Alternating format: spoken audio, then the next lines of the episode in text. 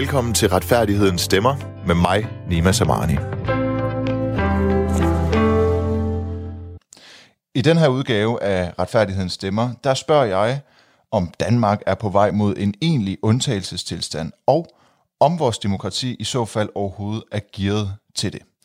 Normalt der sidder jeg i studiet en hel time ansigt til ansigt med en hovedperson.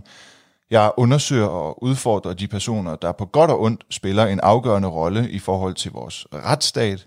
Men i de her coronatider, der går det jo ikke med ansigt til ansigt. Derfor bliver den her udsendelse i dag lidt mindre debatterende, men derimod mere undersøgende og oplysende. I dag der er det altså kun mig.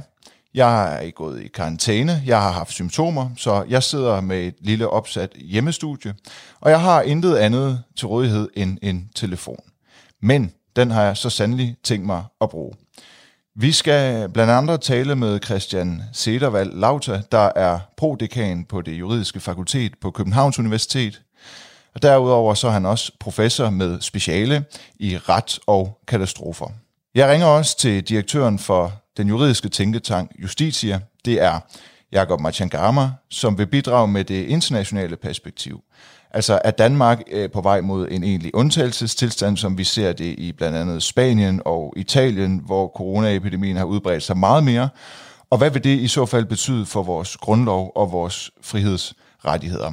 Men vi begynder med det højaktuelle. I mandags der afholdt vores statsminister Mette Frederiksen endnu et pressemøde, hvor hun den her gang forlængede de restriktioner, der er blevet sat over for danskerne. Det betyder blandt andet, at politiet indtil den 13. april, altså på den anden side af påsken, kan håndhæve forbuddet mod forsamlinger på over 10 personer, altså med andre ord straffe borgerne, hvis ikke de overholder det her forbud. Jonas Kristoffersen, doktor jur og tidligere direktør for Institut for Menneskerettigheder. Du er bekymret for forbuddet mod forsamlinger på over 10 personer. Hvordan kan det være? Et, et sundhedsperspektiv og mit, mit liv som almindelig borger i landet, så er jeg jo glad for, at man, at man kommer med anbefalinger om, at vi skal holde afstand og, og, og alt det her. Og der hvor jeg så er en lille smule bekymret som, øh, som jurist, øh, er, når jeg kigger på de regler, som Folketinget har vedtaget, øh, hvor jeg synes, at det man kan se er, at man øh, går meget langt fra, fra politiets side i at fortolke reglerne, og fra Sundhedsministeriets side i at, i at bruge reglerne. Øh, så altså, man har lavet nogle regler, jeg synes, man strækker dem til det yderste, og, og hvis man ikke havde været i en situation, der var så alvorlig som den her, så tror jeg også, jeg vil sige, at man faktisk gik over grænsen. Men hvor er det helt konkret, du, du, du, du ser, at man strækker den til det yderste, eller ligefrem går over grænsen? Altså det her øh, forbud mod at forsamle øh, sig mere end, end, øh, end 10 personer, ja. øh, det er jo et, et, øh, et forbud, som øh, man kun kan lave, hvis man har mulighed for det, eller det man på juridisk kalder hjemmel til at lave det i en, en lov. Ja. Og det fik man, da man for et par uger siden ændrede det, der hedder epidemiloven, øh, som ingen af os, tror jeg, de færreste af os nogensinde havde, havde tænkt på før. Jeg blev også først bekendt med den. Øh. ja, ja nu her. Og, øh, og det man, det man gjorde, øh, da man lavede epidemiloven, der lavede man forskellige regler, blandt andet om man kan tvangsbehandle og tvangsundersøge og tvangsisolere øh, enkelte borgere og sådan noget. Og så stod der også, at man kunne lave et forbud mod at deltage i, og nu, nu citerer jeg, større forsamlinger, arrangementer, begivenheder med videre. Altså større, skal det skal være noget større, og ikke noget mindre, det skal være noget større. Og så skal det være en forsamling, et arrangement, eller en begivenhed. Altså så helt konkret, så står det ikke i hasteloven, at det er 10 personer. Der står, stør- nej. nej, der står større forsamling. Okay. Der står større forsamling. Ja, ja. Og så siger man, nå okay, hvor meget er større? Og, og så ved vi jo alle sammen, at for, for på et tidspunkt, så måtte vi ikke være mere end 1000 samlet. Og så på et tidspunkt sagde man, nu skal vi ikke være, bør vi ikke være mere end 100 sammen. Og så blev vi til 10. Øh, og da man vedtog den her lov for, for meget få uger siden, så sagde man øh, i det, det regeringen skrev, da de lavede et lovforslag, som Folketinget så sagde okay til på ja. det her punkt, så sagde man, det er umiddelbart hensigten, nu citerer jeg, ikke? det er umiddelbart hensigten, at grænsen skal være 100 personer. Men antallet vil kunne hæves eller sænkes afhængig af, hvad der vurderes at være nødvendigt for at forebygge eller inddæmme udbredelse af den pågældende sygdom. Altså 100 men det kan være større eller mindre. Altså flere eller færre end, end, end de her 100. Og, øh, og så tænker jeg, okay, øh, en større forsamling, udgangspunktet er 100, det kan være plus minus et eller andet. I, i min bog, hvis jeg havde hørt det, og ikke havde hørt mere, så vil jeg sige, at gå fra 100 til 10, det er jo ret langt. Og for mig at sige, at en forsamling på 10 personer, det er ikke en større forsamling, det er en lille forsamling. Så i, i min lærebog, der vil man normalt sige, jamen, du, du har ikke hjemmel til at forbyde en forsamling på 10 personer, Men, men, men hvis, sådan, du, hvis du har hjemmel til at forbyde en større forsamling. nej, men sådan som øh, øh, coronavirusen øh, udbreder sig, og, og, og, og det her med, at der er en øh, stor risiko for, for smitteudbredelse, der kan gå meget, meget hurtigt, så er det vel nødvendigt lovgivningsmæssigt, at man kan gå fra øh, en forsamling på 100, og så øh, meget drastisk, som du siger, ned til helt ned til 10 personer. Ja, det er jo det, der er spørgsmålet. For nu, nu siger du rigtig om, at det, at det kan være nødvendigt at gøre det. Ja. Og det kan også være en rigtig god idé at gøre det. Men spørgsmålet er, det, er, det, er det så også inden for rammerne af det lov, man nu har, at gå fra 100 til, til 10 personer? Øh, fordi det er jo spørgsmålet, hvad, hvad betyder ordet større? Ja, Lad, os- lad os nu sige, at nu, at nu øh, på det tidspunkt, hvor man så sagde, sagde 100 og, og så gik ned til 10, der tror jeg, det var i, i øh, et af de andre europæiske lande, der havde man lavet forsamlingsforbud mod fem personer. ja det var vist nok Italien. Altså- ja. Ja, Ja. okay, lad os sige Italien. Der var det fem personer. Er, er fem et forbud mod at forsamle sig mere end fem? Er det en større forsamling? Nej, det tror jeg ikke, man kan sige. Og nu har man i Tyskland øh, i går, tror jeg det var, sagt, øh, her, øh, sagt, at nu skal der være et forbud mod mere end to personer. Det er jo heller ikke en større forsamling. Nej. Så et eller andet sted mellem 2, 5, 10, 30, 70, 100 går en forsamling hen og bliver større. Men jeg vil bare sige, jeg vil sige, hvis du havde spurgt mig på forhånd, er 10 personer forsamlet, er det en større forsamling, når man fra lovgivers side siger, vi har, vi har tanker på som udgangspunkt 100, men det kan være mere eller mindre. Så tror jeg, jeg vil sige, nej, altså i mine øjne, der, vil, der er 10, 10 personer ikke en større forsamling, det er en, det er en mindre forsamling. Og så er det ikke i overensstemmelse med den her lov at lave det, så skal man faktisk lave loven om og fjerne ordet større Okay. og sige, og sige, det kan være forsamlinger, uanset hvilken størrelse Så, så, så det, det, det drejer sig om, det er, at du anfægter ikke den sundhedsfaglige øh, vurdering. Den anfægter du øh, ikke, altså i forhold til, at man ikke skal være mere end 10 personer. Du anfægter sådan set heller ikke, at, at, at øh, tiltaget det er øh, nødvendigt. Det du egentlig øh, helt konkret anfægter, det er, at øh, det står skrevet forkert i loven. Altså, at man skulle have skrevet 10 personer i stedet for en større forsamling, og i og med, at man ikke har gjort det nu, og man kan blive i tvivl om, hvorvidt en større forsamling, det er 10 mennesker, øh, eller, eller derover, så hvad, så handler myndighederne, den udøvende magt, politiet, øh, i strid med egen lovgivning, de netop har vedtaget, eller hvordan? Ja, det er, jo, det er jo konsekvensen, hvis jeg har ret. Men har du, men, men du er doktorjur, du er, du er advokat, du er tidligere direktør for Institut for Menneskerettigheder, Menneske, Institut for Menneskerettigheder. Har du ret? Øh, ja, det, det synes jeg, jeg har. Jeg, altså, jeg kan ikke se, hvordan 10 er en større forsamling. Men, men, men det, der, det der er i virkeligheden, jeg, jeg er ikke så interesseret i lige nu at, at lave ballade ud over Nej, for det her. Jeg nej. synes bare, at vi, at vi i en situation som denne her, hvor vi laver meget vidtgående regler, der skal vi sørge for som civilsamfund, øh, og jeg skal sørge for som, som aktiv borger i, i samfundsdebatten, at hele tiden være med til at, at, øh, at sørge for, at det her det foregår på en, på en, øh, på en lovlig måde, og i overensstemmelse med de helt fundamentale principper, vi har i, Dan- i Danmark, nemlig at, at det skal være i overensstemmelse med de, med de retsregler, som Folketinget øh, har vedtaget. Og der synes jeg, at her har man, jeg sagde i starten, strukket den til det yderste, og måske også højere. Jeg, jeg synes, man er gået længere, end, end ord større kan bære. Øh, men det er ikke, i virkeligheden jo ikke så vigtigt, om så kunne man lave loven om og så videre. Det, det er for mig at se, at det ikke er det afgørende. Det afgørende er, at vi, at vi er kritiske og, og bliver ved med at holde, holde fast i, at det, det er meget, meget vigtigt, at man, øh, at man overholder øh, reglerne, og man, og man øh, har styr på, på, hvad det er, man, man går og gør. Ja, Øh, og der synes jeg, der synes jeg, at der, der, er, man, øh, der er man på kanten øh, i forhold til, at, at 10 personer er en større forsamling. Så, så, så lad os sige, at der er en øh, på den anden side af den her, forhåbentlig på den anden side af den her øh, epidemi, at der er en dansker, en dansk borger, der vil øh, der har fået en bøde for at have overtrådt det her forsamlingsforbud på 10 personer, og så vil vedkommende gå til, øh, til domstolene og sige, at det var ikke en øh, større forsamling. I loven står der større forsamling. Vi var, vi var 11 personer, det er da ikke en større forsamling. Så mener du efter din bedste juridiske overbevisning, at han vil få medhold ved domstolene? Øh, det tror jeg ikke, han vil få. Nå. Jeg vil mene, at han, han skulle have medhold, men jeg tror ikke, han får det.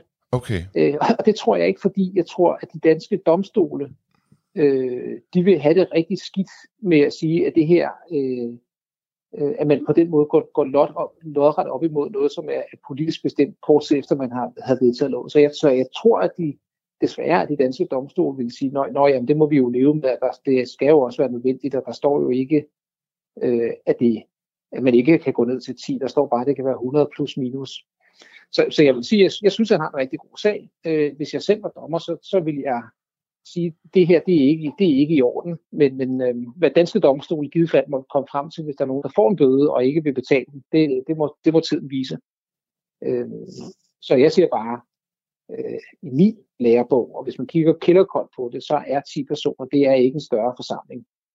Men, men hvad er så, så lad os prøve at få defineret det her med, hvad en større forsamling det så øh, er, fordi man har jo, man har vel siddet og, og, og, og, og altså fra embedsfolkenes side være klar over, at hvis vi skriver større forsamling, så giver vi os selv en elastik. Vi kan strække det til fra 100, altså fra 1000 til 100, og så nu øh, til 10, som vi, øh, som vi taler om. Men du mener, at lovgivningsmæssigt, der er en større forsamling defineret som noget andet end 10 personer. Hvad er dit belæg for det? Prøv at forestille, prøv at lukke øjnene, og så se, hvad, hvad, hvad forstår, forstår du som en større, større, større forsamling? Hvis du ser en lille gruppe mennesker på 10, der står og sluder på et gadehjørne, så vil du vel ikke, når du cykler forbi, sige, hold da op, der var en stor forsamling af mennesker, når du kommer hjem og fortæller det til, til naboen. Nej, det vil jeg altså, ikke, det, men, det er, men, det er jo, men det er jo individuelt. Altså, det, det, nu, nu bliver det, sådan helt konkret. Det kommer an på, hvor mange venner du egentlig har, og hvor meget du socialiserer om 10 personer. Hvis, du, hvis jeg holder en fest, og der kommer 10 personer, kan jeg synes, det er mange, fordi jeg, der normalt ikke er nogen, der gider at komme til min fest. Hvis jeg holder en fest, der er meget populær, og der kommer 100, så kan jeg, så kan jeg synes, at, at det er få, fordi der normalt kommer 200. Altså, så jeg er mere interesseret i... Øhm, man, kan gøre, man, kan, man kan også sige det på en anden, man kan sige det på en anden måde. Ja. Hvis nu man havde siddet i ministeriets kredse og tænkt, vi skal lige om lidt lave et øh, forbud mod forsamlinger. Vi ønsker maksimal frihed øh, til også at forbyde små forsamlinger, øh, helt ned til 10 personer. Så kunne man have skrevet, det skal være et forbud mod øh, at deltage i øh, forsamlinger, arrangementer og begivenheder. Øh, det kan være helt ned til 10 personer, øh, hvis det er hvis det viser sig at være nødvendigt. Man havde jo ikke behøvet at skrive, udgangspunktet er, er 100, det var det, man havde tankerne øh, og så sige, at det kan blive større eller mindre. Altså 100 plus minus 90 er, er immer væk et stort spring, og så sige, at det stadigvæk taler om større forsamlinger. 100 er selvfølgelig en større forsamling. Det er 90 vel også. Jeg siger bare, at på et eller andet tidspunkt kommer man dertil, hvor man må spørge sig selv, er den her forsamling stadigvæk større? Altså en, en skoleklasse, 20-30 personer, er det en større forsamling? det, det synes jeg som udgangspunkt ikke, og det er jo lidt et, et fingerspidsgefyld, ja. hvornår noget er en, er en større forsamling. Og jeg mener bare, at når man er helt nede på 10 personer, så synes jeg, at man har bevæget sig væk fra det, som, som jeg vil kalde en, en større forsamling. Hvis man nu går ned på 5 personer, så er jeg slet ikke i tvivl om, så er det jo overhovedet ikke, så kan det på ingen måde være tale om en større forsamling.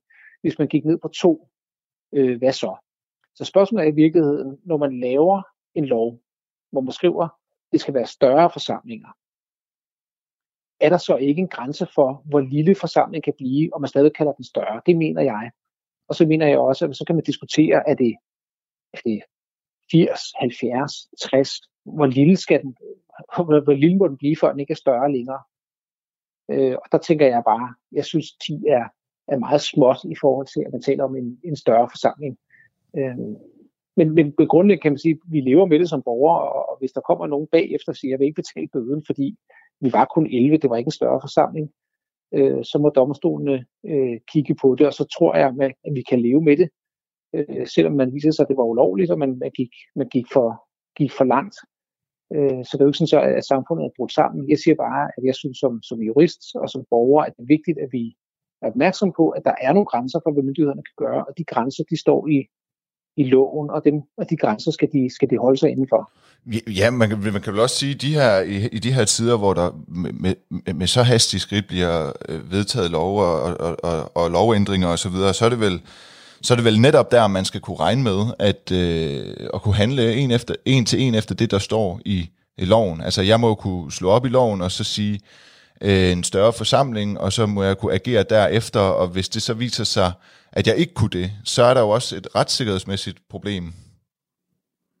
Ja, det, det, er jo det. Det er jo, det er jo et retssikkerhedsproblem at sige, er, øh, er myndighederne på, på lovens grund, når de gør noget, og hvis ikke de er det, jamen, så har vi et retssikkerhedsproblem, fordi så går det ud over grænsen, øh, og det går ud over, over os som borgere, som bliver udsat for noget, som, som vi ikke skal udsættes for. Så lad os prøve at tale om det her helt, helt lavpraktisk. Hvis jeg giver dig et eksempel nu. Jeg, øh, jeg som borger i, øh, i, i Danmark, øh, under den her coronaepidemi, går jeg ind og læser øh, loven og ser, at øh, der jeg kan få en bøde, hvis jeg forsamler mig mere, øh, hvis jeg er en del af en større forsamling. Øhm, og så øh, er jeg lidt i tvivl om, hvad en større forsamling øh, det overhovedet er. Og så går jeg ind og læser på politiets hjemmeside, eller ser et pressemøde med vores statsminister Mette Frederiksen, og kan så finde frem til, at en større forsamling, det er 10 personer eller derover. Øhm, hvis jeg så går ned i et øh, supermarked, eller et eller andet sted, hvor der er dannet kø, og der står øh, 10 mennesker, og jeg så stiller mig som den 11. person i den her kø, øh, kan politiet så give mig en bøde. Hvor lang tid skal jeg stå der? Skal jeg stå der i 10 sekunder, 20 sekunder, 30 sekunder, et minut? Og hvis ansvar er det egentlig i den kø? Jeg ved godt, det bliver meget lavpraktisk. Hvis ansvar er det egentlig i den kø at vurdere, at nu står vi i en forsamling på over 11 personer, og kan de 10 andre så få en bøde, fordi jeg som 11. stiller mig og er skyldig i, at vi så er over 10 personer? Ja. det, er, det er også et, et rigtig godt spørgsmål. Og det, der kan man igen kigge i, i, øh, i de det lovforslag, som regeringen lagde frem, da man lavede den her øh, epidemilovsændring for, for et par uger siden. Øh, og der skriver man, at øh, det omfatter det, altså det, man kalder forsamlinger, arrangementer, begivenheder med videre. Så står der, det skal forstås i bred forstand. En hver situation, hvor personer opholder sig sammen, vil kunne være omfattet. Det er jo meget bredt. Det må man sige. Så står der, det kunne være tale om koncerter, idrætsbegivenheder, fester, generalforsamlinger og møder i selskaber eller foreninger. Så det er noget, hvor man siger, der, der er man gået hen til koncerten, øh, sportsklubben, festen, et møde, et eller andet. Der er man gået hen øh, og har været sammen med, med nogle andre. Så, så kan man sige, at det er en, det er en forsamling eller et, et arrangement eller en begivenhed, altså en idrætsbegivenhed. En arrangement, det kan være koncerten eller hvad det nu måtte være. Der hvor, der, hvor problemet opstår, det er jo, hvis øh, man kan sige, at man opholder sig sammen med nogle andre, men det er lidt tilfældigt, at man er kommet til at være sammen med de andre. Du nævner eksempel på en, en kø. Ja, øh, eller vi kommer jeg, gående en gruppe på fire personer, og så møder vi øh, øh, fire venner, og så støder der to øh, bekendte af den gruppe så til, og så lige pludselig er vi 10 eller 11. Ja. ja. ja. Og der kan man sige, det er så spørgsmålet, hvad, hvad mener man så med en, en forsamling? Fordi det er jo ikke et arrangement eller en begivenhed, hvis man, hvis man støder ind i hinanden, eller, eller tilfældigvis er øh, nogenlunde i nærheden af hinanden, for eksempel i en kø, eller øh, går rundt øh, om, om en sø, eller ude i en skov, eller, eller noget. Nej, så det, vil, så det vil ikke høre ind under begrebet større forsamlinger, som det lige nu står i hasteloven og øvrig lovgivning? Og det, det, det er jo der, hvor man, hvor man skal passe på at sige, hvad mener man med forsamling? Og normalt, normalt vil man i, i Danmark sige, at en forsamling, det er, hvis man, hvis man er sammen med et formål. Altså man har et fælles formål. Det kan være, at man har aftalt det, men det kan også være, at det ligesom er, det giver lidt sig selv. Øh, man går nu øh, ned og er fælles om at, at spille basketball. Så kan du sige, jamen så har vi forsamlet os for at spille basketball. Hvis man så 10, der spiller basketball, øh, så kan man sige, jamen så har man forsamlet sig for det. Det kan også være at sige, at det, det begynder det måske at ligne lidt en, en, øh, en sportsbegivenhed, hvor man, hvor man træner sammen osv. Men, men der var et eksempel her, hvor jeg, da jeg første gang kom til at tænke på det, det var forleden dag, da, weekenden, hvor man talte om, at der var mange, der var, der var sammen øh, i Københavnsområdet især. Og Rigspolitichefen sagde, at nu kan, nu kan bødeblokken, den skal måske op ad lommen, fordi vi, vi er for tæt på hinanden. Altså fordi folk samlede sig om søerne og solede sig Ja, og så videre. Ja, ja, og, ja. og så var der nogle billeder ud fra, fra Amager Strandpark, og jeg ved ikke, om det var det, Rigspolitichefen øh, talte over, så det er ikke for at være efter ham. Men der viste man nogle billeder af folk, der gik rundt ude på Amager Strandpark, og der gik ganske mange sådan relativt tæt på hinanden. Men i mine øjne, så er de jo ikke forsamlet. Altså, de har ikke samlet sig sammen for at gå en tur sammen. Det var alle mulige to og tre og fire mand sammen, der, der gik rundt inden for et areal. Og så kan man jo ikke sige, at, at hele den gruppe, at de alle sammen skal have en, møde, en bøde, fordi de er en større forsamling, der har forsamlet sig for at gå tur der efter sådan en fælles forståelse som, nu går vi tur sammen. Det var en tilfældighedspræget, at de var mange øh, tæt på hinanden. Øh, og derfor tror jeg også, at det var derfor, man så, at man, at man advarede mod det, men at man så også i løbet af weekenden sagde, når I så går rundt om, om, om søerne i København, øh, så gå, gå med uret.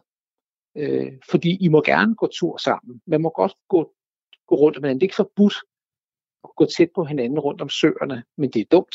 Ja.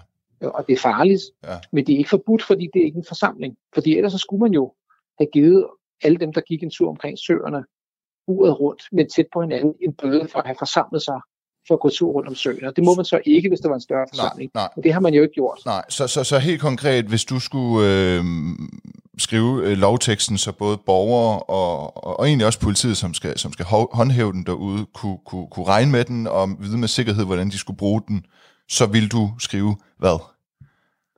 Så ville jeg have skrevet inde i, i, i bemærkningerne til epidemiloven, det som man skriver over i politiloven, nemlig en forsamling, altså når man taler om, om arrangementer, begivenheder og Ja. forsamlinger, at forsamlinger det er øh, en samtidig tilstedeværelse af flere personer med et eller andet fællesskab eller fælles mål øh, for, deres, for deres forsamling. Altså den her, en tilfæ- og så vil jeg skrive en, en tilfældig øh, man kan sige, ophobning af personer inden for et mindre område, gør det ikke i sig selv til en forsamling.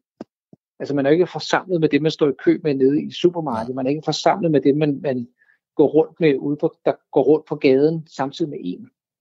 Øh, men hvis vi tog 10 venner og sagde, nu mødes vi, eller fem vennepar siger, nu mødes vi nede på hjørnet, øh, og så går vi, eller 12 mand, så går vi i en tæt gruppe sammen. Så ville det være en forsamling, der, vi, der havde besluttet sig for at gå tur sammen, og det må man ikke. Nej. Okay, og så lige, lige, øh, lige her til sidst, Jonas Kristoffersen, når man nu har øh, lavet et forsamlingsforbud, og man netop ikke må organisere en, en forsamling, der går ud med et bevidst øh, øh, eller et samlet formål, øh, er det så, det tænker jeg, der er en del øh, af vores lytter, der godt kunne tænke sig at få svar på, er det så i strid med øh, grundloven? Er det en midlertidig begrænsning af, af grundloven, der jo øh, sikrer retten til at, at, at forsamle sig. Jeg tænker navnlig på det her med, at nu vedtager man nogle hastelov, og dem skal vi øh, som borgere, der er nogle restriktioner af dem, dem skal vi som borgere overholde. Men hvad nu, hvis vi som borgere øh, er utilfredse med de her hastelov, hvis vi har nogle politiske ytringer, vi vil ud med, øh, kommer det her midlertidige for, for, forsamlingsforbud så til at forbyde, at man går ud og demonstrerer? For det er jo en forsamling af flere mennesker. Altså, loven vil, vil, vil for, for det første vil jeg helt overordnet, svaret er, at nej, det her er ikke i strid med, i strid med grundloven. Og det er også meget vigtigt at slå fast, at man har overhovedet ikke øh, haft til hensigt, og jeg har heller ikke set nogen som helst tegn på, at man skulle bruge det for at lukke munden på nogen. Nej. Mette Frederiksen Men... siger jo også på pressemødet, at, det, at de her hastelov vedrører kun øh, den her øh, ekstraordinære situation, øh, vi står i. Men, men, men igen, ja. Men hvis du forestiller dig nu, at, at du så sagde, okay, nu, nu er vi nogen, der er så sure over, at det her bliver ved. ja, Altså vi mener, at vi skulle, det det det. skulle stoppe efter påske, og nu vil de forlænge det yderligere. Nu vil vi godt lave en demonstration, og vi går ned på Christiansborg Slottsplads og samler os øh, tusind mennesker for, at- for at demonstrere.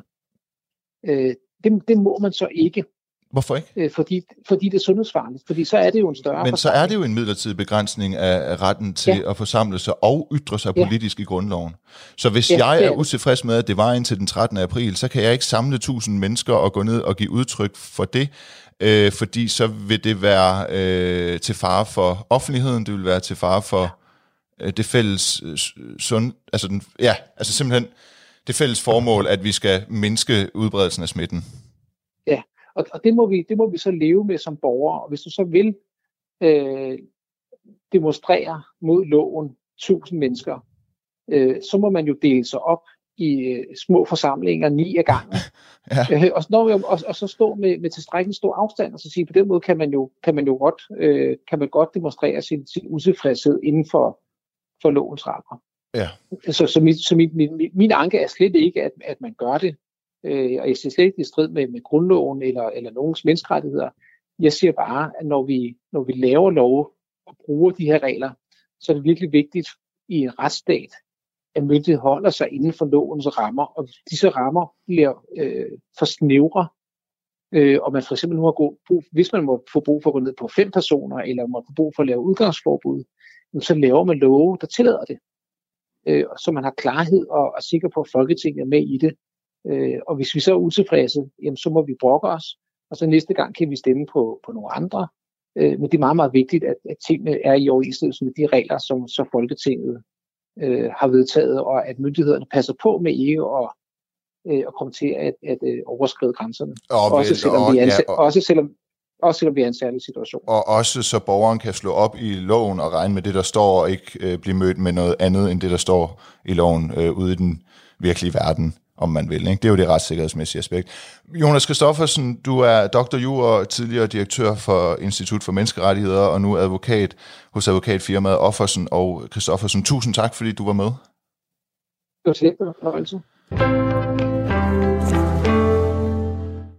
Når fjenden stod for døren i den romerske republik, udpegede man en diktator. Diktatoren fik en begrænset periode, ofte seks måneder, fordi krig dengang var en udbredt sæsonbestemt aktivitet og ubegrænset magt til at løse krisesituationen. Diktatorens ultimative mål var at genoprette republikken og derved, at livet kunne fortsætte som før. Denne tradition er videreført i en række moderne demokratier. Ofte omtales dette som undtagelsestilstand, fordi retten som sådan ikke råder her. Det gør kun diktatorens undtagelsesbeslutninger. Hasteloven er faktisk et markant brud med den måde, vi ellers har håndteret kriser eller katastrofer, og i denne kronik vil jeg således forsøge at rise op, hvad traditionen tilsiger, hvad loven har ændret, hvorvidt det er lovligt, og hvad det så betyder for dig og mig. Det her kan man læse i en aktuel kronik i Politikken under rubrikken Hasteloven er et brud med hele den måde, Danmark normalt takler store kriser. Var det nødvendigt og klogt? Og den er skrevet af dig, Christian Sedervald Lausa. Du er øh, prodekan ved det juridiske fakultet øh, på Københavns Universitet, og så er du professor med speciale i ret og katastrofer. Og jeg kunne lige så godt starte med at spørge, var den her hastelov nødvendig, og var det klogt, eller er den nødvendig, og er det klogt? Du starter med det dyre spørgsmål. Det kan jeg godt lide. jeg starter med rubrikken, prøver, kan man sige. Ja. jeg prøver i artiklen at, at redegøre for, øh, hvorfor at det er, er nyt, og øh, jeg kommer nok ikke med et endeligt svar på, om det var nødvendigt, men prøver snarere at pege på nogle af de konsekvenser, det har at lovgive på den her måde, og krisestyre på den her måde, som er en smule anderledes end den måde, vi plejer at gøre det på. Og, men hvordan der er fordele og ulemper. Ja, ja, undskyld, jeg lige afbryder, men hvordan er det så, vi, hvordan er det så, vi gør det i forhold til, hvordan vi plejer at gøre det? Man kan sige, at den tradition, der er i Danmark, er sådan en klassisk, byråkratisk, teknokratisk tradition, hvor at vi grundlæggende set lader fagekspertisen råde. Vi har inden for beredskabsområdet, øh, for eksempel som må brandmænd, når de bekæmper en brand, gøre øh, ret voldsomme ting. Men det er alt sammen baseret på, at de må gøre det konkret, når de står over for en brand. De må gøre det ud fra deres øh, erfaring og deres uddannelse, og øh, de må kun gøre det, så længe det er nødvendigt. Øh, det er den måde, vi også traditionelt har håndteret kriser på. Vi har for eksempel i tilfældet epidemier haft såkaldte epidemikommissioner, hvor man har haft faglige eksperter siden at diskutere, hvad var det nødvendige at gøre, øh, i hvilket omfang øh, krævede situationen, at man øh, lavede indgreb, og så havde man sådan set ret vidtgående kompetencer til altså, at hvad gøre tænker du? Tænker du her på SARS-epidemien, fugleinfluenzaen, eller hvordan? Hvad er det helt konkret for en epidemi? Det kunne være, altså vi havde simpelthen en stående epidemilov i Danmark. Det kunne for eksempel være SARS eller øh, fugleinfluenzaen. Der er simpelthen en definition i epidemiloven på, hvad det er. Det er enten en sygdom, som decideret er taget på der niks, eller noget, som spreder sig og kan slå os ihjel, grundlæggende set, for nu at være sådan rigtig øh, ligefrem ja. på det. Øh, så der er simpelthen en definition på, hvad en sygdom er. I tilfælde af det, så vil man nedsætte en epidemikommission. De var regionale. Og bruget her, det er, at det, man har ændret med hasteloven, det er, at man pludselig har overført den kompetence, som før var overladt til fageksperter, til en øh, fagminister, som har, øh, kan man sige, øh, et øh, politisk mandat, og ikke et sådan fagligt, øh, professionelt mandat Og her tænker du på vores sundhedsminister Magnus Heunicke. Det gør jeg nemlig. Ja. Er der, Så, ja, konkret kan man sige, at hasteloven overlader det til, til ham, og, øh, og derved jo til dels til vores statsminister, som er ansvarlig for øh, at udpege, hvem der er øh, hvem der er minister for området. Finder du noget foruroligende eller betænkeligt ved det, at man simpelthen er, er, har gjort det på den måde, man har overladt det til, til vores sundhedsminister? Jeg prøver, ligesom i kronikken, at gøre opmærksom på, at øh, der er nogle, i hvert fald nogle helt andre ting, vi skal være opmærksomme på, når det lige pludselig overgår fra at være et fagskøn til at være en politiker, der har det her ansvar. Øhm, man kan sige, at øh, hvor at når en fagperson laver et fejlskøn, som går ud over nogle mennesker, så er det en fejl, som kan sanktioneres ved domstole, hvor der er et strafsystem, hvor at man grundlæggende set kan følge op. Så øh, når en politiker laver en fejl, så er det sådan set bare et dårligt skøn eller et udtryk for dårlig dømmekraft, og det er demokratiet, det vil sige os som vælgere, der næste gang skal undlade at vælge i det her tilfælde øh, stakkels Magnus Heunicke, øh, der skal bære det her ansvar på sine skuldre, men det er jo så os, der skal over for Magnus Heunicke tilkendegive, at vi ikke var enige i hans skøn. Og det kræver lige pludselig, at vi sætter os lidt mere ind i sagerne, vil jeg mene. Så øh, det, Ja, ja for du, du, jeg prøver også du skriver, implementering af og opbakning til regeringstiltag øh, er ikke det samme som ukritisk automatisk tilslutning til rigtigheden af disse. Hvordan skal man forstå det? Det skal man forstå på den måde, at nu er det ikke længere domstolen, der skal føre kontrol af de ting, regeringen gør. Det skal vi alle sammen i fællesskab i en åben debat. Vi bliver nødt til at sammen tilvejebringe et beslutningsgrundlag, der gør, at vi som demokrati kan forholde os til, om det regeringen gjorde var det rigtige øh, frem mod næste valg. Øh, og det øh, vil sige, at jeg opfordrer ikke sådan til, at man skal udøve øh, frivol magtkritik bare af princip. Øh, jeg siger, at den kompetenceoverførsel, altså at man lige pludselig har ministeren, der gør de her ting, det betyder, at vi som demokrati er blevet ansvarlige på en helt anden måde, end vi var før, for faktisk at føre kontrol med, at det regeringen foretager sig, er savligt og fornuftigt. Øhm, og øh, så, så på den ene side, så skal vi, vi skal simpelthen finde en ny balance i den måde, vi debatterer de her ting på. Men, men finder du ikke det som, som, som, øh, som juridisk kyndig professor med speciale i ret og katastrofer, finder du ikke det for uroligende? Jeg, jeg tænker jo øh, selv, når du siger sådan, at vi har jo magtens tredeling for, at domstolene netop udøver kontrol med ja, både øh, lovgivningsmagten, men også øh, regeringen, som, som jo så også er en del af, af, af lovgivningsmagten i, i, i fællesskab, at man går væk fra det? Jeg føler det i hvert fald, altså jeg, jeg synes i hvert fald, jeg har en opgave i at gøre opmærksom på, at der er et skifte, som gør, at, øh, at, vi skal, at vi skal have en offentlig debat, der ligesom kan rumme den her kritik på en måde, som vi måske ikke er vant til i det her land. Øh, vi, vi har en meget sådan pragmatisk, synes jeg, øh, demokratitradition, og det er der noget rigtig smukt ved. Øh, men, men lige i det her tilfælde, der skal vi faktisk tillade, øh, at, at vi kritiserer hinanden øh, ret hårdt i det offentlige rum, fordi det er sådan, vi får verificeret øh, de her ting. Øh, og grunden til, at jeg ikke nødvendigvis finder det sådan dybt, dybt foruroligende, er fordi, at jeg synes, der er rigtig øh, stærke demokratier rundt omkring i Europa, som sådan set har haft modeller på den her måde, der har fungeret rigtig godt. Men det kræver jo, at civilsamfund og demokrati er den her opgave moden. Øh, og jeg prøver at slutte den der kronik af med at sige, at, at, at jeg er faktisk ikke i tvivl om, at, at øh, Danmark er det her, den her opgave moden. Det er mere et spørgsmål om Danmark er den her opgave bevidst. Så mit ærne i første omgang er ikke øh, at, at, øh, at, at spille på den store undtagelsestilstandstrompet og sige, at, øh, at det hele er, er på vej øh, lige lukket i helvede, men at sige, prøv at høre, vi, vi skal simpelthen være opmærksom på, at det ændrer nogle grundlæggende ansvarsmekanismer, og at de ansvarsmekanismer, de har altså også betydning for øh, dit og mit ansvar i den her offentlige debat, som der skal følge i de kommende par uger. Og, og, og de ansvarsmekanismer, det er, jo, det er jo så dem, du blandt andet øh, opfordrer til, at vi er kritiske overfor. Er det korrekt forstået? Ja, vi, kan, vi kan ligesom ikke forlade os på, at systemet tjekker sig selv. Nu er det sådan, at øh, øh, det, det skifte, vi har lavet, er, at vi har flyttet magten op til det politiske, og det vil sige, den ansvarsmekanisme, den kontrolmekanisme, der er i dag, det er demokratiets kontrolmekanisme først og fremmest.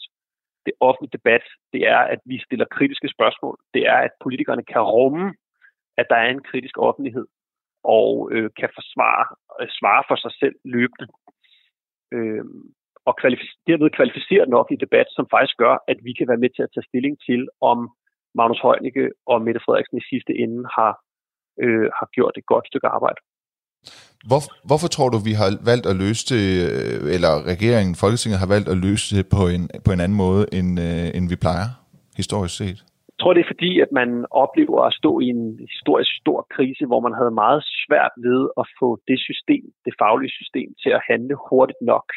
Øh, I hvert fald øh, tror jeg, det var den oplevelse, man havde politisk. Og det vil sige, man kan sige, mens af alle de ting, vi nu taler om, altså at man offrer retsgarantier, at man fjerner det konkrete sigte.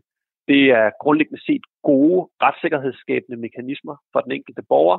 Så er det også ting, der betyder, at man bliver nødt til at handle langsommere. Øh, så hvis der er behov for, at man kan handle hurtigt øh, og generelt, som man jo har gjort, så er nærmest den eneste mulighed for at gøre det og øh, flytte kompetencen, som man har gjort. Så jeg tror, man har, du kan sige, man har offret retsgarantier for at få fart og beslutningskraft. Og så, og så kan man jo så sige, at nu, nu har man flyttet det over, ansvaret over på, på, på sundhedsministeren, der egentlig har nogle ret vidtgående beføjelser, som du sagde, han kan, han kan øh, trænge ind i dit øh, hjem med tvang, hvis nødvendigt. Han kan tvangsindlægge, han kan, øh, hvis en vaccine øh, bliver opfundet, så kan han tvangsvaccinere osv. Men der var jo også det her med, at øh, man øh, i den forgangne uge, mener jeg, det var fandt ud af, at øh, forud for vedtagelsen af hastelovene, der øh, fremlagde øh, regeringen ikke øh, Øh, sundhedsmyndighedernes øh, faglige vurdering af, at et, øh, af, at øh, grænselukningen var nødvendigt. Og der tænker jeg jo for eksempel, at, at netop når man vedtager hastelov og så videre, er det jo lige præcis rigtig nødvendigt, at man fremlægger alle oplysninger for, for Folketinget, inden de, inden de stemmer. Øhm, det synes jeg jo på en måde lugter, og på en måde virker foruroligende, især når du så siger, at nu er vi begyndt at gøre det på en anden måde, end vi plejer, fordi vi har lagt alt ansvar over til en, en Magnus Heunicke, der nærmest kan agere som en, øh, som en enevældig eller en diktator. Det er jo, øh, altså det, det, det, så langt jeg kan gå, kan man sige, jeg er jo professor i retsvidenskab, så det er min opgave for mig at se, det er at påpege, hvad er det, det betyder? Hvad er det, hvordan skubber man ansvaret deskriptivt? Hvordan man så mener, at den rigtige måde demokratisk at løse det på, det opfordrer jeg jo netop til at stille som et politisk spørgsmål, som jeg håber, at du og jeg som privatperson og alle dine lyttere faktisk danner sig et kvalificeret mening om og deltager i debatten om, fordi det er sindssygt vigtigt, at vi får kvalificeret den debat. Øh, men det er ikke nødvendigvis min egenskab af professor, jeg har en mening om, Nej. Øh, hvor det er det rigtige at gøre eller ej. Men det er noget, jeg måske kan blive, øh, blive klogere på øh, ved mit næste opkald, som er til øh, direktør for Tænketanken Justitia, Jakob Machangama. I hvert fald så vil jeg sige uh, tusind tak til dig, Christian Sedervej Lausa. Du er professor med speciale i ret og katastrofer ved Københavns Universitet, og så er du også prodekan ved samme universitet og på det juridiske fakultet. Tusind tak, fordi du var med. Selv tak. Ja, hvis du, kære lytter, netop er tunet ind på Radio 4, så kan jeg fortælle dig, at du lytter til retsprogrammet Retfærdighedens Stemmer, hvor jeg, Nima Samani, i denne uge undersøger de juridiske konsekvenser af coronakrisen, og om Danmark er på vej mod en egentlig undtagelsestilstand. Vi har nu Jakob Machangama igennem. Han er direktør for Tænketanken øh, Justitia, og øh, jeg vil gerne spørge dig, Jakob Machangama, om du mener, at Danmark er på vej mod en egentlig undtagelsestilstand, ligesom vi har set det i lande som øh, Italien og Spanien? Nej, det, det synes jeg ikke. Ikke sådan en generel undtagelsestilstand. Altså dels har vi jo ikke eksempelvis øh, indført udgangsforbud, og, og som jeg forstår det, er der måske ikke engang hjælp til det, altså at den lovgivning, som er vedtaget, ikke engang øh, kan man ikke med udgangspunkt i den indføre et udgangsforbud. Øh, der er helt klart vedtaget øh, nogle, øh, nogle tiltag, som er ekstremt vidtgående i epidemiloven. Nogle af dem var der jo sådan set hjemmel til i forvejen, men de er så blevet lagt over til en minister øh, frem for en epidemikommission. Øh, og og de, er, de er vidtgående, øh, men jeg ser det ikke som en som en egentlig øh, øh, undtagelsestilstand. Det er klart, det er noget, der er en undtagelsestilstand lignende, men, men måske kan vi komme til at sammenligne med nogle med andre lande, og der synes jeg ikke, vi er gået så vidt som dem. Men jeg talte med Christian Lauder før, og han kom også ind på det her med, at, at indgrebsmulighederne og beslutningstagning, den ikke længere er hos øh, fagkundskaben, altså epidemikommissionen, som du også kommer ind på her, men at den er hos uh, sundhedsministeren. Altså han har en lang række uh, beføjelser, som i sidste ende også kan betyde frihedsberøvelse, altså tvangsindlæggelse, indtrængen i dit private hjem, tvangsvaccinere, hvis der kommer en vaccination imod det. Øhm, er det, at, altså, Christian Lauda, han vil ikke komme ind på, om han synes, det var øh, foruroligende. Han vil bare gerne øh, bidrage med en, øh, med en faglig viden, ja. og det er jo sådan set også fint nok, men kan jeg få dig til at, at sige noget om, hvorvidt du mener, det er, er foruroligende, at man er gået fra øh, og, og lægge fagkundskaben hos, øh, hos en epidemikommission til at give øh, sundhedsministeren en lang række øh, beføjelser, som, som han jo ikke har haft før?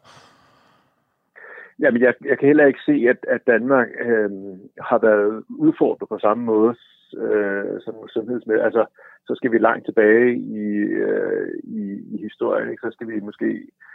Øh, ja, sidste gang, der var en pandemi, det har vel så været i 1918 til 20 med, med, med den spanske ja. øh, syge.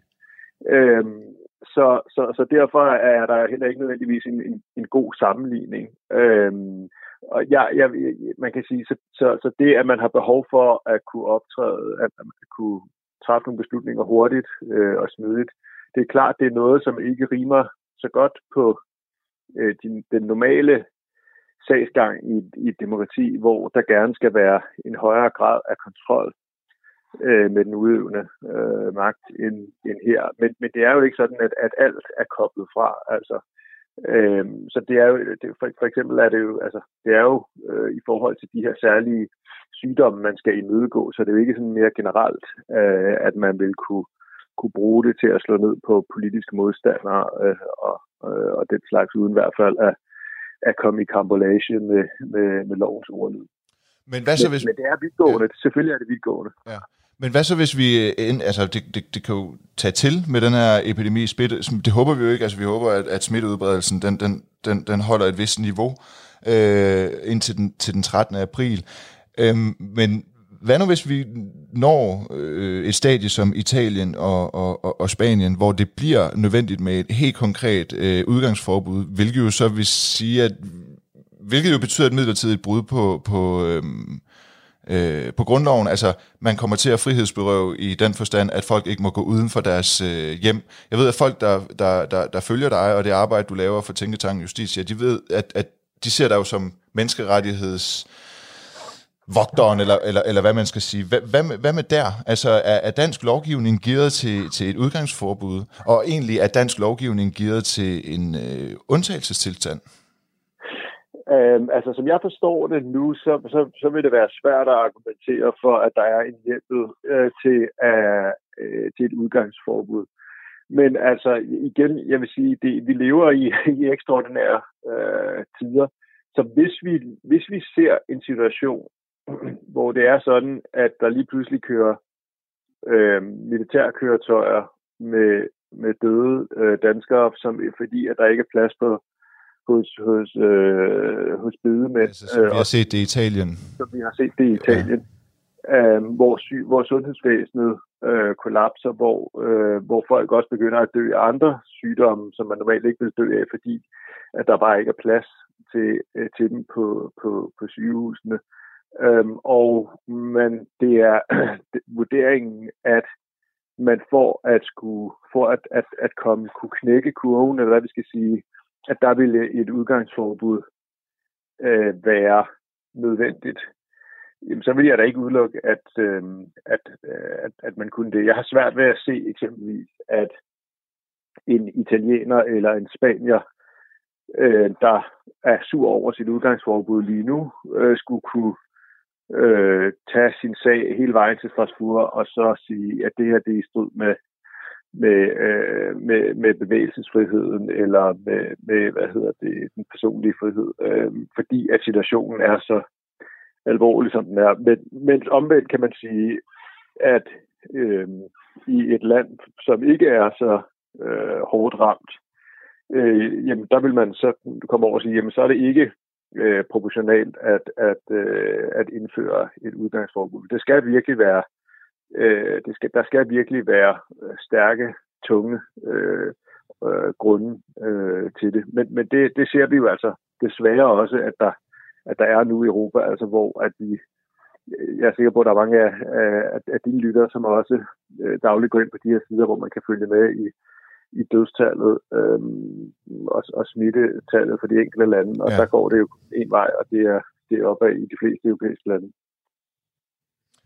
Og hvad så, hvis vi skal ud i... Øh, så det, du siger, det er sådan set, at, at der ikke øh, direkte er, er lovhjemmel til et egentligt udgangsforbud, men ud fra, at det et proportionalitetsprincip, så kan man sige, at hvis der er en fare for smitteudbredelse, så kan man så også øh, vedtage et udgangsforbud. Det må bare ikke hvad skal man sige, øh, det må ikke være... Ja, altså, jeg, jeg, jeg, jeg har ikke foretaget den grundige øh, juridiske, øh, der, der, under, der, der, der, øh, der har kigget det for, for grundlov og så videre, men man kan sige, at hvad hedder det, hvis vi, hvis vi kigger på menneskerettighedskonventionen, jamen så, øhm, øh, så er der jo øh, hjemmel til at indføre en lang række begrænsninger. Der er der også hjemmel til helt at fravige en række øh, hvad hedder det, rettigheder, bare altså, med undtagelse af for eksempel øh, tortur.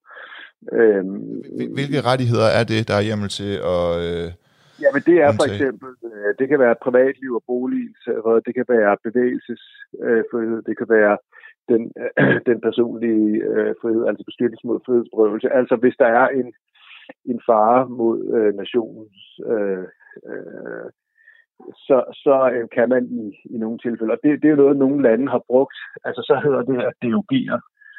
Øhm, og det kan, man så, det kan man så sige, at, at nu derogerer vi. Så er der en række øh, skridt, man skal opfylde, der er nogle, der er nogle øh, tidsgrænser i forhold til, hvor, hvor, hurtigt det kan træde i kraft osv., men i princippet kan man godt derogere under konventionen. Men, men derudover er der jo i de enkelte rettigheder, øh, at, at de fleste af rettighederne i menneskerettighedskonventionen ikke heller ikke absolut i sig selv. Det vil altså sige, at man godt kan fravige de rettigheder ud fra nogle legitime hensyn, øh, så længe der er, er hjemmel i loven, og også at, at de, øh, den lovgivning og den måde, man forvalter de her begrænsninger af rettighederne på, er proportionelt, altså der, altså forstået på den måde, at man ikke går videre, øh, end det er nødvendigt for at, ligesom at, øh, at opnå det mål, som, som øh, en begrænsning af, af rettighederne er begrundet i. Okay. Så... Og der kan man sige, så, så der kan man sige, at, at Øh, der bliver proportionalitetsvurderingen jo, altså der, der kan man sige, der, der vil man jo nok slække kravene i,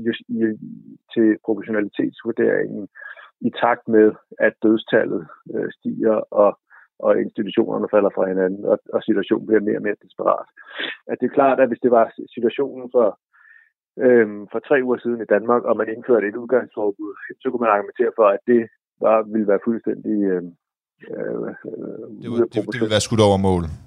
Ja, fordi ja. der kunne man have gjort, der kunne man have gjort nogle andre ting, som man, ja. som man så, øh, det er så en anden diskussion, som man ikke har gjort, men som ville være meget mindre. Altså, det er klart, det ville være meget mindre indgribende, hvis man havde opsporet smittede, sæt dem i, i isolation og fundet alle dem, de har været i kontakt med, testet dem osv. frem for øh, øh, at sætte en hel befolkning øh, under i, i udgangsforbud. Men det er jo interessante tider, altså øh, sådan her afslutningsvis, hvis du skal svare ja eller nej, eller så vidt muligt ja eller nej, oplever du så, at det danske demokrati og dermed retsstaten er gearet til, til den her nødssituation?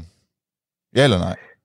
Ja, men det synes jeg synes øh, særligt, at vi har øh, medierne spiller en, en fantastisk vigtig rolle. Jeg, jeg, har, jeg har ikke været så glad for at leve med, med ytringsfrihed, som, som jeg er i de her tider, hvor at, at der virkelig bliver stillet kritiske spørgsmål til vores myndigheder, og som, som, som rent faktisk har, har ændret den måde, som de griber tingene an på, og hvor, hvor, hvor de øh, hvor det bliver udstillet, at man simpelthen har, har lavet nogle, nogle, nogle fejl, og så sikkert ikke er uden vilje eller inkompetence, men bare fordi man står i en svær situation, hvor, det, hvor man ikke har vidst, hvordan man skulle øh, navigere. Øh, og der kan du sige, sammenligne det med Ungarn, hvor man er på vej til at indføre lovgivning, som vil betyde, at hvis man spreder falske nyheder, øh, eller skriver falske nyheder, så vil man kunne komme i fængsel op til fem år. Og, og det, det er jo nogle af de ting, hvor, som, som mere illiberale og, og diktatoriske lande bruger en sådan undtagelsestilstand til at sige, nu konsoliderer vi magten, så kobler vi alle retssikkerhedsgarantier af, lukker ned for ytringsfrihed. Det ser vi også i Kina eksempelvis.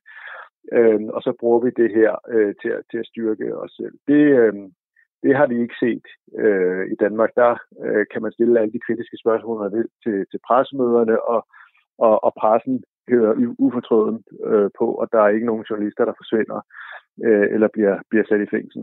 Øh, og, og det er ekstremt vigtigt, at vi holder fast i det.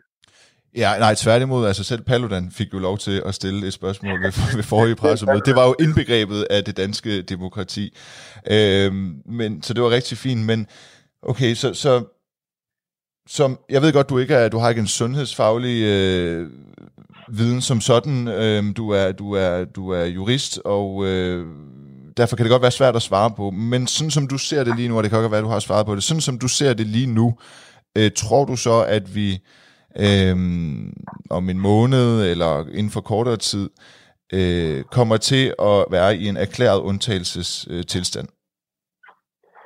Øh, øh, nej, jeg tror ikke, de kommer øh, bare til en erklæret undtagelsestilstand, men vi kunne sagtens øh, have undtagelsestilstandslignende øh, tilstand. Altså man kan sige, hvis, hvis vi nu ser over den næste uge, at antallet af døde bare øh, vokser og vokser, antallet af smittede vokser ja. og vokser, ja, så kan det da godt være, at man vil sige, at så skal Folketinget til det igen og vedtage en ny hastelovgivning, der lige pludselig giver en hjemmel til, til udgangsforbud øh, eller lignende, og vi så, øh, og så, og så, og så er vi jo, og så kan man skændes om, om det er formelt eller, øh, eller de facto, øh, eller, eller reelt om undtagelsestilstand, men så er det, det, er jo, det er jo det, det er, fordi hvis man ikke må gå uden for sin dør, øh, så, øh, så, så, så, øh, så, så er det en, en undtagelsestilstand af en slags. Ja, jeg vil... og, og, der, og det vil jeg ikke udelukke, at, at der, det, det vil jeg jo ikke kunne udelukke, at man, at man, at man kan, kan komme hen uden at have foretaget en juridisk analyse, og jeg vil heller ikke udelukke, at det kunne være øh, ret og, og, og rimeligt, øh, at, man, at man bliver nødt til at tage det skridt.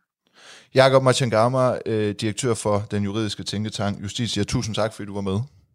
Selv tak. Ja, det var alt for denne uges udgave af Retfærdighedens Stemmer. Hvis du, kære lytter, øh, følte, at det lød en lille smule anderledes end øh, normalt, så er det altså fordi, at jeg ikke sidder med Radio 4's high-tech udstyr til rådighed. Jeg sidder altså i karantæne og optager det her program hjemmefra med et lille opsat øh, hjemmestudie. Jeg håber dog trods alt, at du føler, at du er blevet en lille smule klogere på de juridiske konsekvenser af coronakrisen. Jeg kan godt garantere, at jeg også i næste uge kommer til at undersøge de juridiske konsekvenser af coronakrisen. I den her time, der talte jeg med Jonas Christoffersen, som øh, fandt det foruroligende, at øh, forbuddet mod forsamlinger ikke er konkret defineret i loven. Der står altså bare større forsamlinger, der står ikke noget om, at det er øh, 10 personer, og det mener han godt kan give øh, bagslag, fordi større forsamlinger normalt i dansk lovgivning ikke er defineret som 10 personer, men langt derover.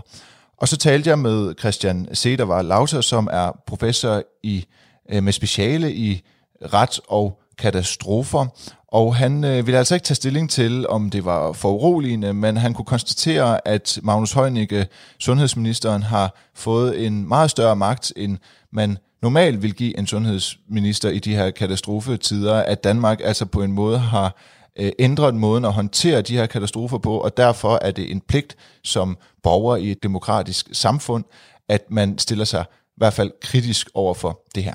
Og slutligt så talte jeg jo med Jakob Machangama, som er direktør for øh, Justitia, tænketanken, den juridiske tænketank Justitia, og øh, han mente ikke, at vi er på vej mod en egentlig undtagelsestilstand, men gav ligesom udtryk for, at der bliver øh, grebet ind over for vores frihedsrettigheder, som øh, aldrig før. At det godt nok er nødvendigt, men også noget, som vi bør være varsomme og igen kritiske over for.